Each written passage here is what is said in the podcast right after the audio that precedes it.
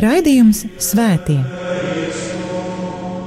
Katrā laikmetā ir dzīvojuši daudz svētie, un katrai paudzei tie ir un paliek kā dzīvās ticības liecinieki. Mocekļi, apliecinātāji, vīri un sievas, jaunieši un bērni. Svētie ir tik dažādi, gluži kā mēs, bet ir kāda īpašība, kura visus svētos vieno. Viņi mīlēja, mīlēja Dievu un cilvēkus. Raidījums par svētījumiem ir stāstījums par Dieva mīlestības reālo klātbūtni mūsu dzīvē. Santa Trinitas unos Deus, miserere Patris, Santa Maria,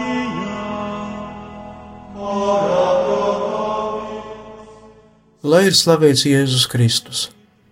Cienījamie brāļi un māsas Kristū, radījuma arī klausītāji, ēterā skan raidījums par svētajiem, un pie mikrofona esmu es, Priesteris Večeslavs.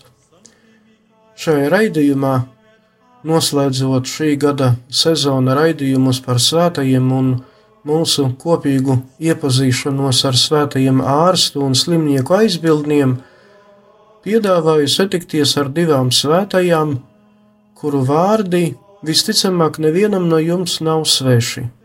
Jo vairāk tāpēc, ka esmu iepriekšējo gadu raidījumos jau stāstījis par viņām. Svētā Hildegarde no Bingenes, baznīcas mācītāja, speciāliste fitoloģijā, zinātnieku un mediķu aizbildne, un svētā, kuras aizbildniecību cilvēki meklē nonākuši sarežģītajās un grūtajās situācijās. Tā ir svētā Rita no Kašas, Mūkene. Abas svētās ir, ja tā var teikt, aktuālas mūsdienās, jo visi bez izņēmuma esam sastapušies ar lielām grūtībām cilvēku veselības jomā, un lai viņu un visu svēto aizbildniecība nes mums palīdzību cīnoties ar dažādām slimībām.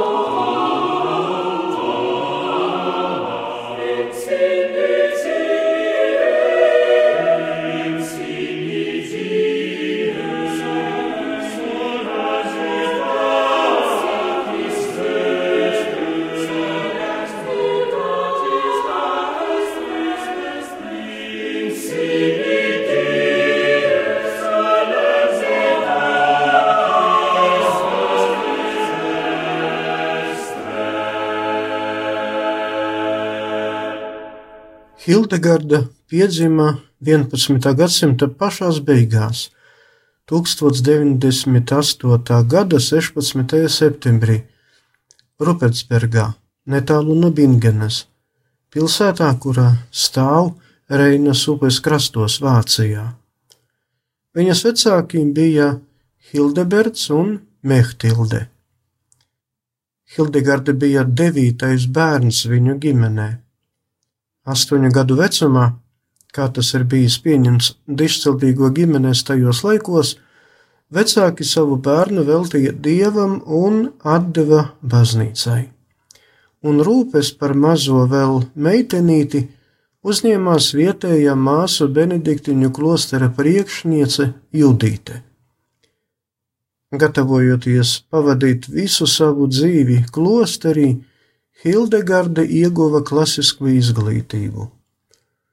Un pateicoties gan savai apdāvinātībai, gan zināšanām, kuras apguva klostera skolā, Hildegarde ieguva lielu popularitāti.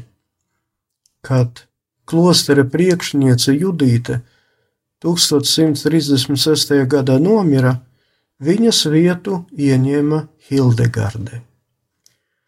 Un arī kā klostera priekšniece Hildegarde bija visu cienīta. Viņa daudz ko izdarīja sava ordeņa labā. 1150. gadā, lai mūkenes nedzīvotu zem viena klostera kompleksa jumta kopā ar mūkiem un citiem garīdzniekiem, Hildegarde kopā ar visām māsām pārcēlās uz viņas ģimenes jaunizveidoto un atbalstīto klosteri, kas atradās Rupetsbergas laukuros. Kad Hildegarde jau vairākus gadus pildīja klostera priekšnices pienākumus, viņa atklāja, ka kopš trīs gadu vecuma viņai mēdza būt dažādas vīzijas, kuru laikā viņa sarunājās ar Dievu. Kāpēc agrāk par vīzijām nerunāja? Visticamāk, tāpēc, ka bija ļoti pieticīga un kautrīga, tomēr nav izslēgts arī zināmu baiļu faktors. Hildegarde, tāpat kā daudzi tajos laikos, nevēlējās darīt kaut ko tādu, par ko ieinteresētos inkvizīcija. Tikai tad, kad viņai jau bija pildījās 40 dzīves gadi, un viņa sasniedza visaugstākos posteņus, kādus toreiz sieviete varēja ieņemt baznīcas struktūrās, ieguvusi autoritāti dažādu bīskapiju kūrijās un pat pāvesta galmā, viņa bez uztraukuma un bailēm varēja atklāt savu mistisko pieredzi. Viena no vīzijām Hildegarde skaidri dzirdēja pavēli apkopot vīzijas, piedzīvoto grāmatās. Un šādi sāka veidoties Hildegardes Scito Vijas Domini, atklājkunga takas. Ziņas par Hildegardes vīzijām izplatījās zibens ātrumā, un jāsaka, ka tajos laikos nebija ne interneta, ne telefonu, ne vēl kaut kā tam līdzīga. Un pateicoties Mainzas arhibīskapam un daudziem citiem garīdzniekiem par vīzijām uzzināja, uzzināja arī toreizējais pāvests Eugēnijas III. Pāvests norīkoja speciālu komisiju uz klosteri, kurā dzīvoja svētā, lai pārbaudītu vīziju autentiskumu. Daži fragmenti no vīzijām tika lasīti Trīres sinodē, kas risinājās 1147. gadā. Hildegarda saņēma svētību, apstiprinājumu un atļauju izplatīt savas idejas, kā arī saņēma pavēli turpināt aprakstīt savas vīzijas un atklāsmes. To viņai vajadzēja darīt sadarbojoties ar tā laika baznīcas slavenību un zvaigzni, ar svēto Bernardu no Klervo. Savas vīzijas un Atklāsmes Hildegarde apkopa trijās grāmatās - Scitovijas domini, atklāja kunga takas, tad Liber Vite, dzīves grāmata un Liber Divinorum Operum, dieva darbu grāmata. Pateicoties pāvesta piekrišanai un atbalstam, Hildegarde, kaut arī neskaļi un atklāti, jau toreiz kritizēja klēra dzīves pārspīlējumus un atsevišķos gadījumos klēra izlaidību, kā arī pieprasīja lielāko lomu un autoritāti sievietēm sabiedrībā. Par to svētā Hildegardija sevišķi runāja un rakstīja savā sacerējumā Ordo virtutum par tikuma mākslu. Šim sacerējumam, starp citu, viņa pati sakomponēja arī mūziku. Kā jau tas vienmēr gadās, arī Hildegardas vīzijām un atklāsmēm bija savi noliedzēji un savi kritiķi netruka runu, ka viss, par ko raksta svētā, nenāk no debesīm, bet ir migrēnas augļi. Hildegardi, Hildegardi bieži cīnījās ar migrēnu. Tomēr tas, ka Hildegardi pēc izcelsmes bija dišciltīgā un arī ieņēma diezgan augstu posteņu baznīcas hierarhijā, viņa taču bija klostera priekšniece, Viņas vēstules un rakstus lasīja gan garīdzniecība, gan laicīgas autoritātes, un daudziem viduslaiku ļaudīm svētās Hildegardas domas un teksti asociējās ar paša dieva balsi. Pateicoties labai izglītībai, bagātai dzīves pieredzei un arī izcilām oratoriskām dāvanām, Svētā Hildegārda spēja atrast kopīgu valodu ar visiem saviem oponentiem. Viņas darbi gan teoloģija, gan filozofija, gan dabas zinātnēs bija ar lielu interesi pieņemti laicīgajā sabiedrībā un arī baznīcas aprindās. Tas vēl vairāk palielināja Hildegārdas popularitāti. Jau Hildegardas dzīves laikā netrūka tādu, kuri viņu godināja kā svēto. Visa viduslaiku Eiropa runāja par svētās Hildegardas pārdabiskām spējām un dieva žēlastību, kura plūda pār cilvēkiem caur viņu. Hildegarda bija kļuvusi tik populāra, ka laika biedri viņu sāka saukt par Reinas krastu Sibilli. Kā jau teicu, Hildegarde ļoti bieži slimoja.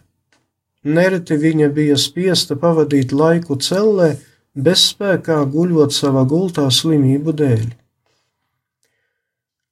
Ļoti augsti tika vērtēti Svētās Hildegardas pētījumi un darbi medicīnā, dabas izpētē un fitoterapijā. Viņa nodarbojas ar dabas un cilvēka lielu pētniecību.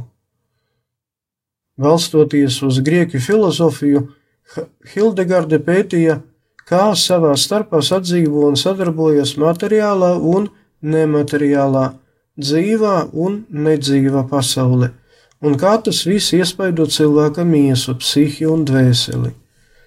Savu pētījumu rezultātus Svētā Hildegarde apkopa nedaudz panteistiskā garā sarakstītajā traktātā par dažādu augu un minerāļu pozitīvo vai arī kaitniecisku iedarbību, kā, kā un kā to visu pielietot pēc viņas domām terapijā.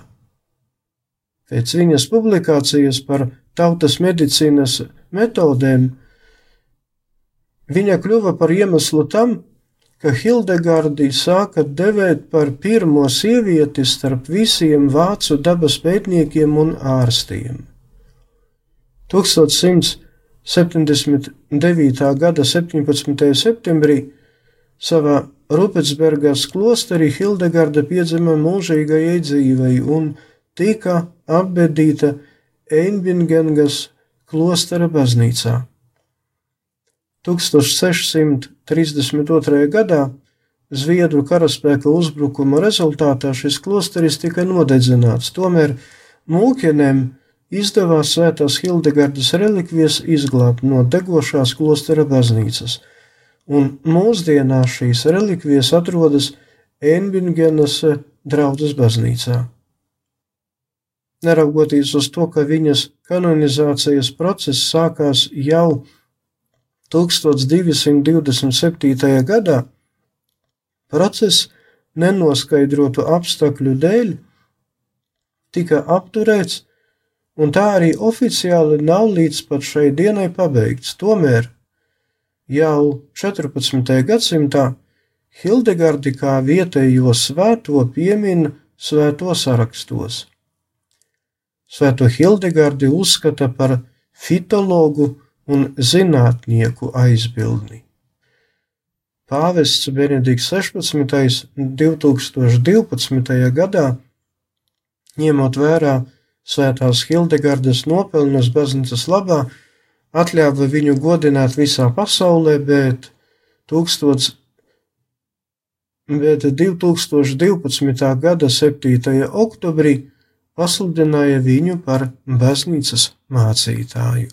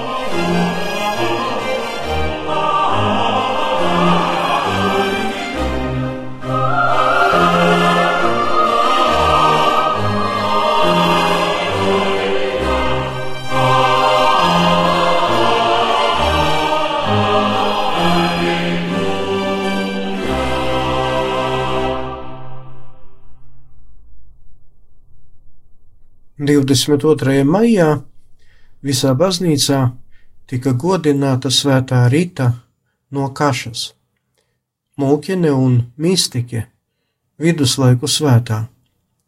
Viņas aizbildniecību piesauc lūdzoties kunga dieva priekšā tad, kad ir nonākuši bezizēju situācijās. Pie šīs svētās relikvijām, kuras atrodas Umbrijā, Itālijā, plūst neskaitāmus vecernieku straumes no visas pasaules malām. Un jāpiebilst, ka svētās rītas miesu nav skarusi satrūdēšana, relikvijas atrodas stiklotā sarkofāgā. Svētā Rita piedzima, kā tiek uzskatīts, ap 1380. gadu Rokapovenas miestiņa netālu no Kašas, Itālijā. Vecākiem ilgi nebija bērna. Uz Ritas piedzimšanu gaidīja ļoti ilgi. Kad pienāca gadi precēties, vecāki lika viņai apprecēties ar nemīlētu vīrieti, kas laulības dzīve bija ļoti brutāls un varmācīgs. Rītai piedzima divi dēli. Pēc tam, kad viņas vīru noslepkavoja, abi dēli gribēja atriepties slepkavām, un Rīta ar asarām acīs lūdza Dievu, lai tas nenotiek, lai dēli nepaceļ roku pret citu cilvēku, pat ja tas ir pelnījis nāvi. Labāk, kungs, lai mani dēli nomirst, nekā noslepkavo citus. Tā viņa lūdzās. un tā tas arī notika, jo Deli aizgāja bojā epidēmijas laikā. Palikusi viena, Rīta vairāk kārt mēģināja iestāties klosterī pie māsām augustīnietiem, turpat kašā, tomēr katru reizi viņai tika atteikts. Bija ātraitne, bija neizglītota, neatbilstošs vecums, Tikai 1413. gadā Ritu uzņēma klosterī, kurā viņai lika pildīt visprastākos ikdienišķus darbus. Svētās dzīves apraksti stāsta, ka kādas nakts vīzijas laikā viņā, viņa ieraudzīja svēto Jāni Kristītāju, svēto Augustīnu un svēto Nikolāju no Tolentino, kuri pavadīja viņu uz klosteri, un klostera durvis pašas par sevi atvērās Rītas priekšā, bet klostera priekšniece vairs necela iebildumus. Jāsaka, ka Rītas dzīve klosterī izcēlās ar īpašu asketismu un dziļu garīgu mīlestību pret krustā sisto Kristu. Vienā no mistiskām vīzijām 1443. gadā Rīta saņēma stigmas. Viņas gadījumā stigmas izskatījās kā rētas no Kristus ēršķu kroņa. Rētas bija redzamas uz Rītas galvas līdz pat viņas nāves dienai, 1457. gada 22. maijam.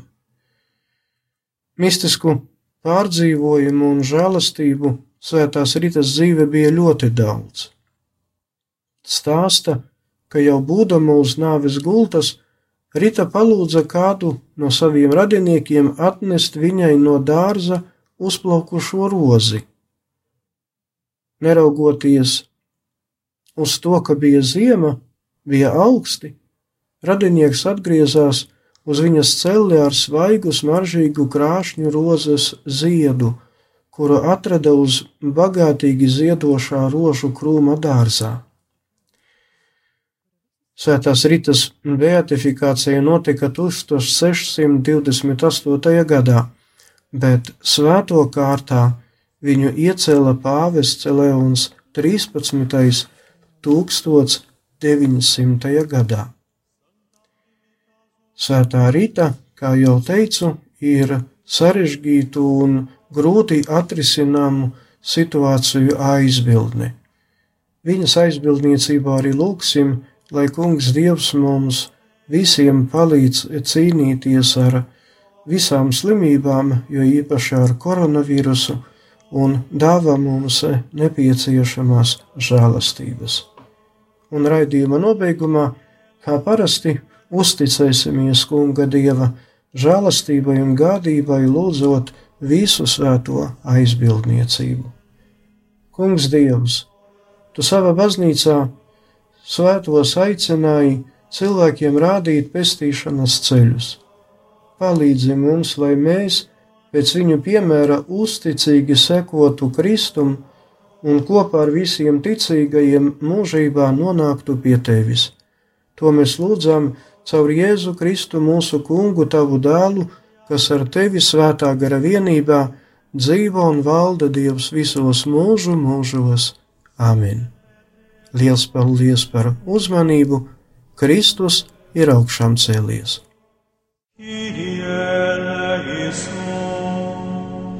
Raidījums Svētie.